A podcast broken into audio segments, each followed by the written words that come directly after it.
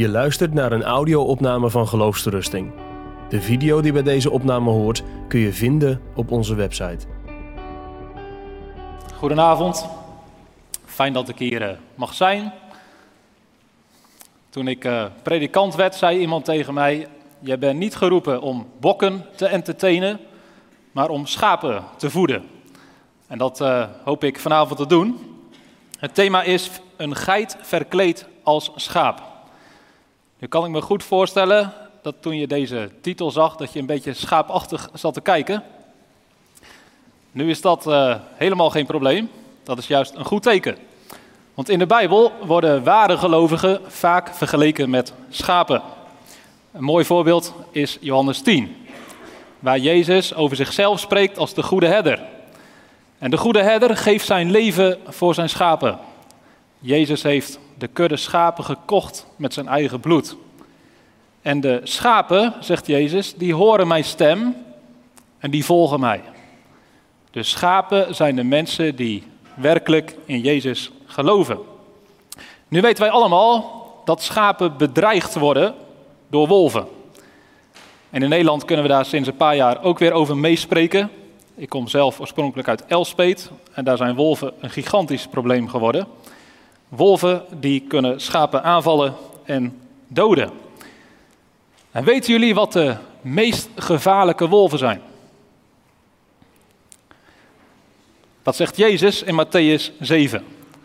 Pas op voor de valse profeten, die in schapenvacht naar u toe komen, maar van binnen roofzuchtige wolven zijn.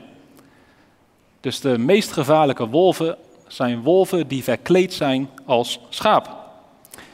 In het wild bestaan die natuurlijk niet, maar helaas in de kerk wel. Petrus schrijft in zijn tweede brief, net zoals er valse profeten onder het volk Israël zijn geweest, zo zullen er ook onder u valse leraars zijn, die heimelijk, dus niet duidelijk, niet openbaar, die heimelijk verderfelijke afwijkingen in de leer zullen invoeren. De schaapskudde van Jezus Christus heeft nog een ander probleem. En dat zijn geiten. In de schaapskooi, tussen de schapen, lopen geiten. Geiten zijn mensen die bij de kerk horen, maar de stem van de goede herder nooit echt hebben gehoord. Die het evangelie niet begrijpen en zich nooit met God hebben laten verzoenen.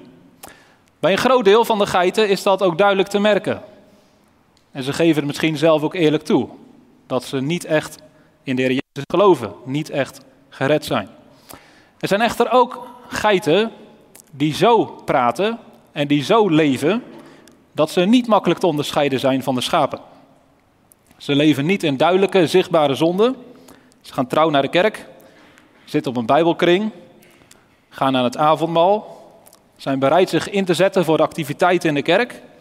Als je het van de buitenkant moet beoordelen, dan zeg je, dit zijn echte christenen. Maar dat is niet de werkelijkheid. Het zijn geiten die verkleed zijn als schaap. Daar gaan we het vanavond over hebben. In het eerste deel van de lezing wil ik aan de hand van de gelijkenissen die Jezus heeft gesproken in Matthäus 13 en we gelezen hebben, duidelijk maken dat er in elke kerk geiten zijn. En ik wil duidelijk maken wat dit betekent voor een realistische visie op de kerk en de manier waarop we daar binnen de gemeente mee om moeten gaan. In het tweede deel van de lezing wil ik duidelijk maken wat dit betekent voor de praktijk van zelfonderzoek. En een antwoord geven op de vraag hoe wij zeker kunnen weten dat wij zelf echte schapen zijn en geen geiten in schaapskleren. Jezus heeft in Matthäus 13 zeven gelijkenissen gesproken. En in al deze gelijkenissen legt Jezus uit, geeft hij onderwijs over het koninkrijk der hemelen, het koninkrijk van God. Dat koninkrijk is nabijgekomen, zei Jezus aan het begin van zijn bediening. Aan het eind van de Matthäus-evangelie lezen we dat dat koninkrijk is gekomen, want Jezus heeft alle macht gekregen in hemel en op aarde. Het koninkrijk is gekomen door de weg van het kruis en door de weg van de opstanding. In de tweede en de zevende gelijkenis, die Marcel net heeft gelezen, daar gaan we het over hebben. Die lijken heel veel op elkaar. Komt een belangrijke boodschap tot ons vanavond. Die tweede gelijkenis spreekt over tarwe en onkruid. Nadat de zoon des mensen, Jezus Christus zelf, het goede zaad heeft gestrooid op de akker, komt de duivel die onkruid zaait. Het resultaat is een akker waarop zowel tarwe als onkruid groeit, dwars door elkaar heen. G.C. Ryle die schrijft hierbij: In de eerste plaats leert deze gelijkenis ons dat goed en kwaad altijd samen aanwezig zullen zijn in de beleidende kerk tot het einde van de wereld. De zichtbare kerk wordt ons voorgesteld als een gemengd lichaam.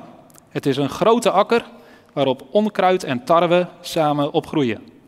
We moeten verwachten dat er in elke gemeente van gedoopte mensen een mengeling is van gelovigen en ongelovigen, van bekeerden en onbekeerden, van kinderen van het koninkrijk en de kinderen van de boze.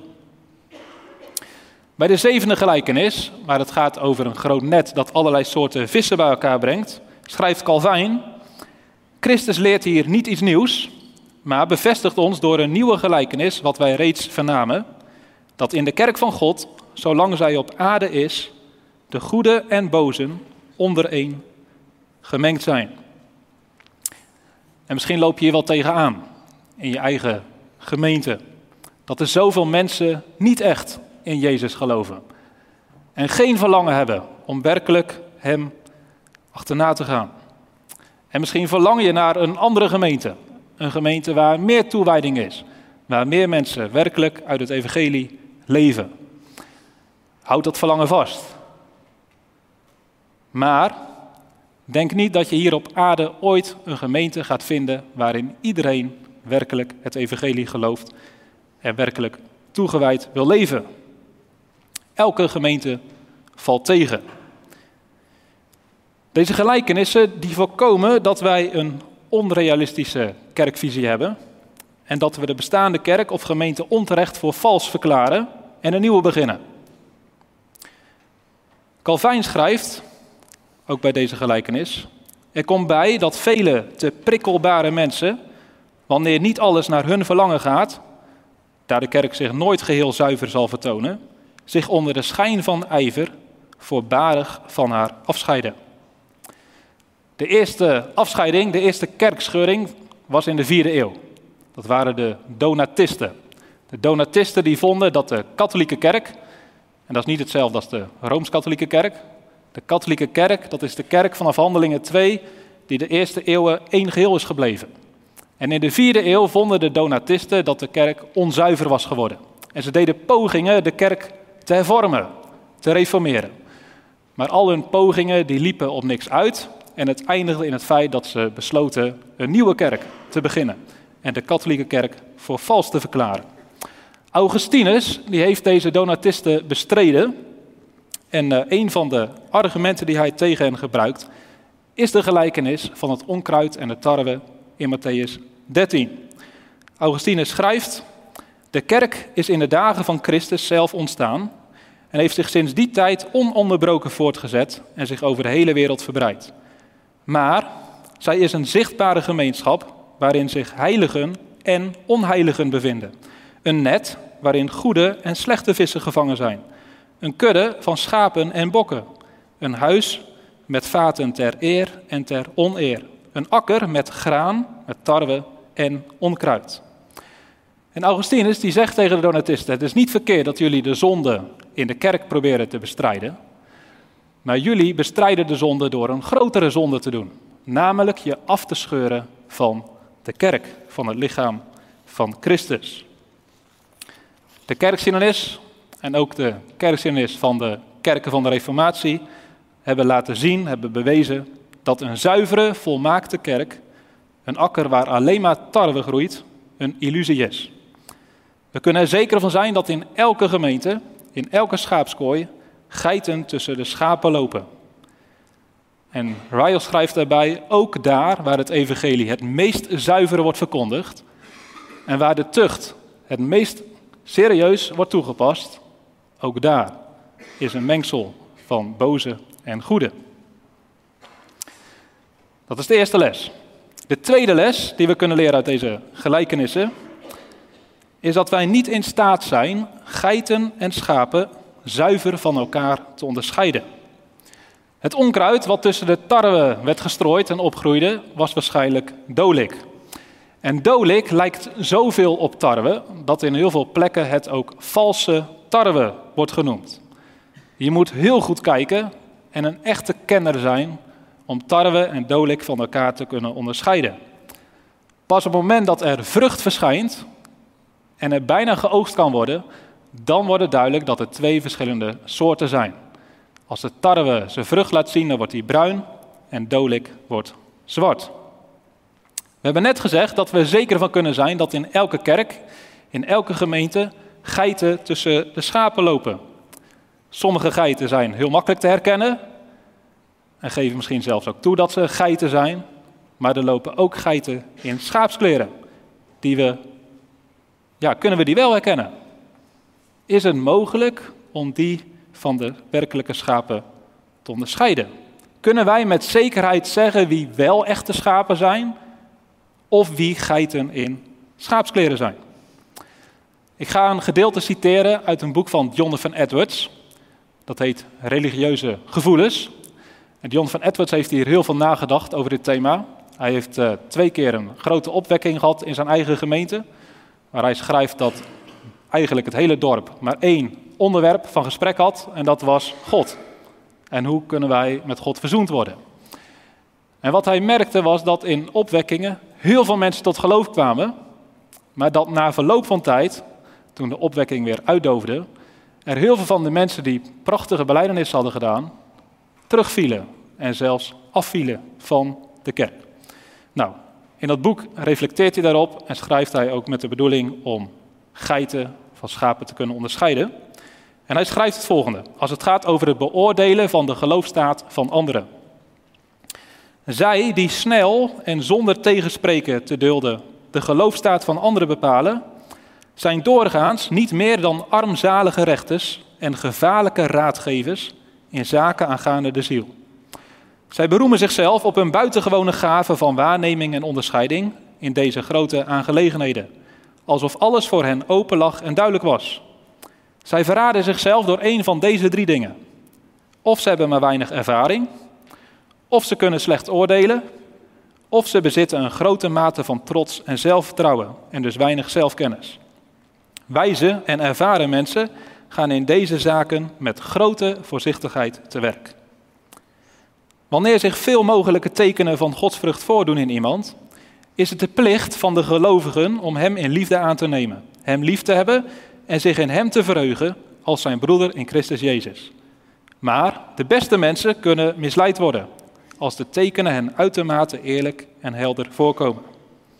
Ongetwijfeld is het het heerlijke alleenrecht van de alwetende God, als de grote kenner van de harten, om wel in staat te zijn onderscheid te maken tussen schapen en bokken. En wat is het een onfatsoenlijke zelfverheffing en arrogantie van ellendige, gevallen en duistere stervelingen om net te doen alsof zij kunnen weten en vaststellen wie werkelijk eerlijk en oprecht voor God is en wie niet. Wij kunnen schapen aanzien voor geiten en geiten aanzien voor schapen. Dit betekent in de praktijk dat het mogelijk is om straks in de hemel mensen tegen te komen waarvan, waarvan jij dacht dat ze niet echt geloofden. Of dat iemand na verloop van tijd afhaakt waarvan jij echt overtuigd was dat het een schaap was van de goede herder, een echt kind van God. En dan blijkt het toch een geit te zijn die verkleed was als schaap. Johannes schrijft in zijn eerste brief over mensen van wie dat geldt. Zij zijn uit ons midden weggegaan, maar zij waren niet uit ons. Want als zij werkelijk uit ons geweest waren, dan zouden ze bij ons gebleven zijn. Maar het moest openbaar worden dat zij niet allen uit ons zijn. Dus de eerste les. In elke kerk zitten geiten tussen de schapen. De tweede les die Jezus leert in de gelijkenis is: wij zijn niet in staat om zuiver onderscheid te maken bij anderen of ze een schaap of een geit zijn. De derde les die Jezus leert in de gelijkenis is dat er uiteindelijk in het eindoordeel wel een zuivere scheiding plaats zal vinden. De dienaren van degene die het zaad gezaaid heeft, die vragen de Heer: Moeten wij het onkruid ertussenuit gaan halen? moeten wij proberen de geiten te ontmaskeren en ze uit de schaapskooi te zetten. En wat zegt Jezus? Nee, dat is niet de bedoeling. Laat ze samen opgroeien tot de oogst. En in de oogst zullen de maaiers komen, de engelen. En die zullen de scheiding maken.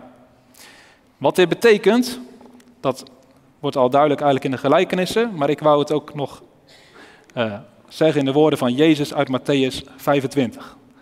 is ingrijpend. Het gaat over de wederkomst.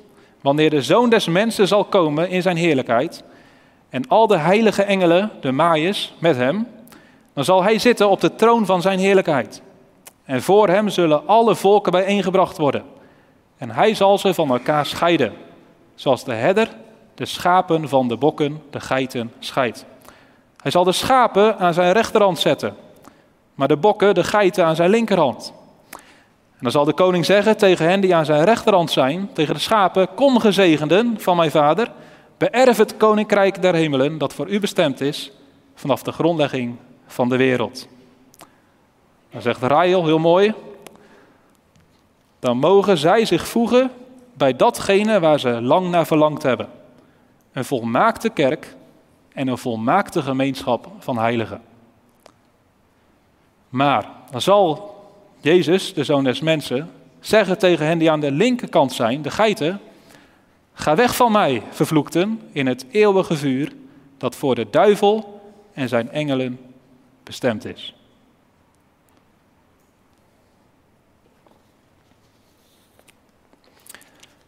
Dit feit, dat er straks een scheiding komt tussen de schapen en de geiten, is denk voldoende reden om ens te maken met het thema van deze avond. En de vraag te stellen, zijn wij werkelijk schapen? Ook wij zitten hier als een grote akker met tarwe en onkruid. Als een groot net wat vol zit met vissen, met goede en slechte vissen. Calvijn die schrijft bij de gelijkenis van het visnet: Christus waarschuwt ons dat er niet voldoende, zelfs niet van veel belang is, dat wij in de schaapskooi verzameld zijn, zo wij geen ware en geliefde schapen zijn.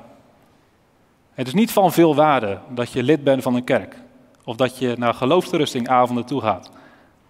Als je in de schaapskooi bent, als je niet werkelijk een schaap van Jezus Christus bent. Het is daarom belangrijk dat schapen weten dat ze schapen zijn en dat geiten weten dat ze geiten zijn, ook als ze verkleed zijn als schaap. We hebben net vastgesteld op basis van de gelijkenis van Jezus dat het niet mogelijk is om bij anderen zuiver onderscheid te maken tussen schapen en geiten.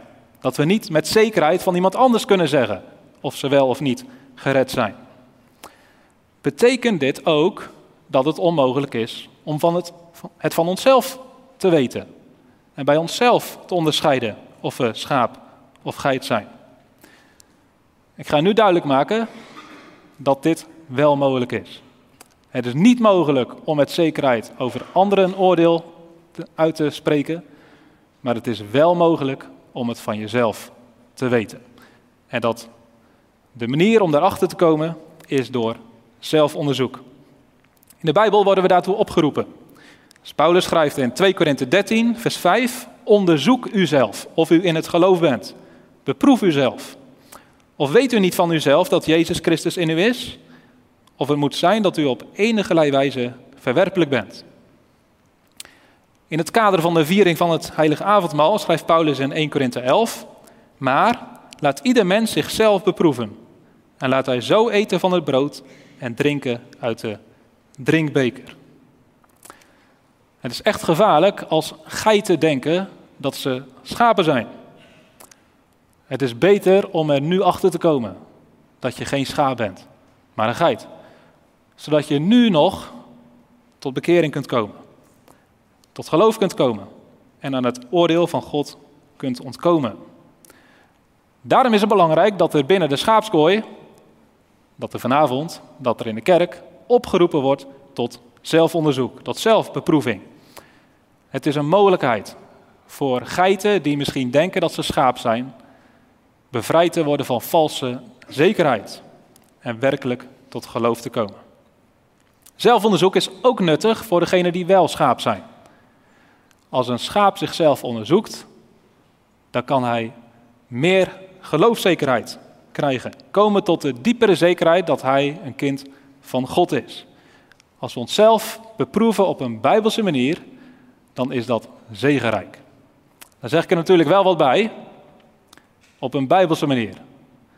Want als je je niet beproeft op een bijbelse manier, maar volgens een menselijk systeem van zelfbeproeving, dan is het waarschijnlijk niet zegenrijk, maar eerder schadelijk. Dan kan het leiden tot twijfels en onzekerheid.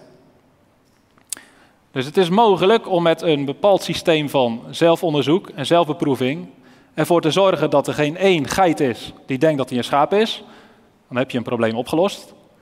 Maar je kunt met zo'n systeem wel een ander probleem creëren en versterken, namelijk dat schapen ook niet meer weten dat ze werkelijk schaap zijn. En als dat het geval is, dan heb je net zo goed een gigantisch probleem. Als schapen niet meer weten of ze werkelijk schaap zijn, als ze niet meer weten of ze werkelijk gered zijn, dan is dat schadelijk, zowel voor de persoon zelf als ook voor de hele gemeente. Dus, wat is volgens de Bijbel een goede manier om onderscheid te maken tussen geiten en schapen? Wat is nou het onderscheidende?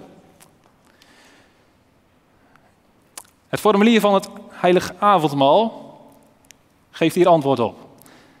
En ik heb natuurlijk zelf na zitten denken hoe ik dit in ging vullen. En ik denk, ja, je moet gewoon gebruiken van de wijsheid van de voorvaderen. En ik denk dat de heilige avondformulier een hele zuivere, nuttige, pastoraal verantwoorde manier geeft om jezelf te onderzoeken. Het avondmaalsformulier zegt, de waarachtige beproeving van onszelf bestaat uit drie delen. En dat wordt in best wel veel woorden gezegd. Ik heb ervoor gekozen om het samen te vatten met de woorden van het kort begrip. Het zijn precies dezelfde drie punten. In het kort begrip staat het als volgt. Eerst moet ik onderzoeken of ik mijzelf vanwege mijn zonden mishaag en mij daarom voor God verootmoedig.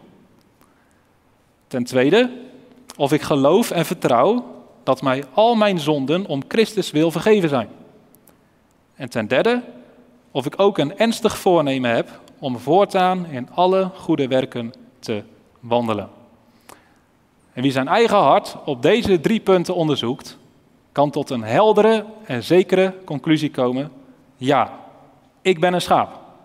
Of nee, ik ben een geit. Nu weet ik dat het in de praktijk niet voor iedereen zo simpel is. En ik denk niet dat dat ligt aan deze drie punten, maar de manier waarop deze drie punten soms worden voorzien van extra voorwaarden. Dus bijvoorbeeld op het eerste punt, of ik mijzelf mishaag vanwege mijn zonde en mezelf voor God verootmoedig, dan kan er van gemaakt worden of ik mijzelf voldoende vanwege mijn zonde mishaag. En of ik mij wel voldoende verootmoedig voor God.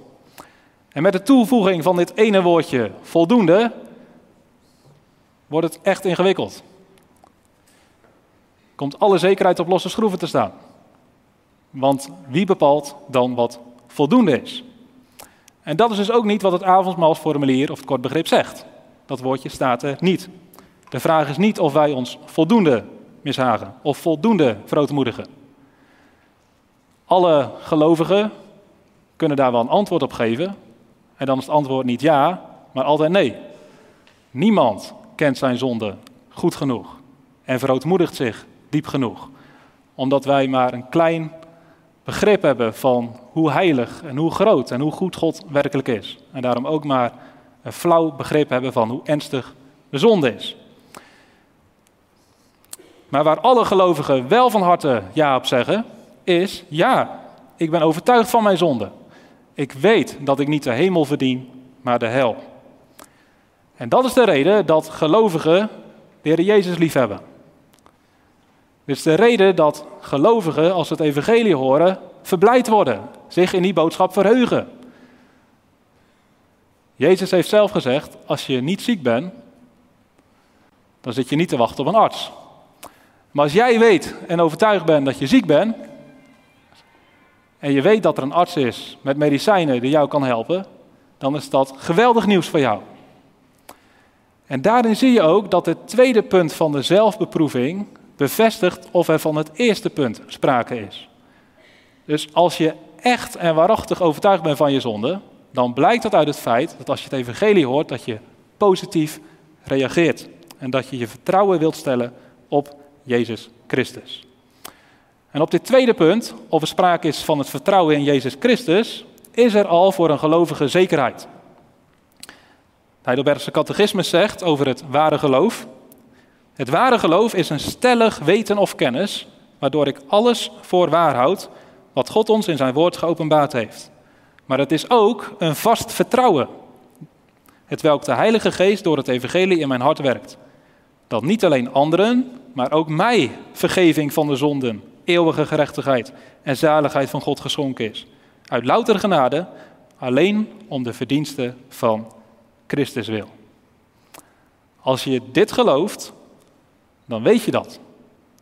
En dan kun je, dan mag je de conclusie trekken dat je een schaap bent. En die zekerheid die ligt dus buiten jezelf. Die ligt in Jezus Christus, in wie Hij is. En wat Hij heeft gedaan om ons te redden aan het kruis. En in de belofte van het evangelie.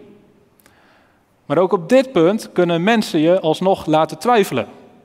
Door de indruk te wekken dat het historisch geloof of het tijdgeloof hetzelfde karakter heeft als dit ware geloof.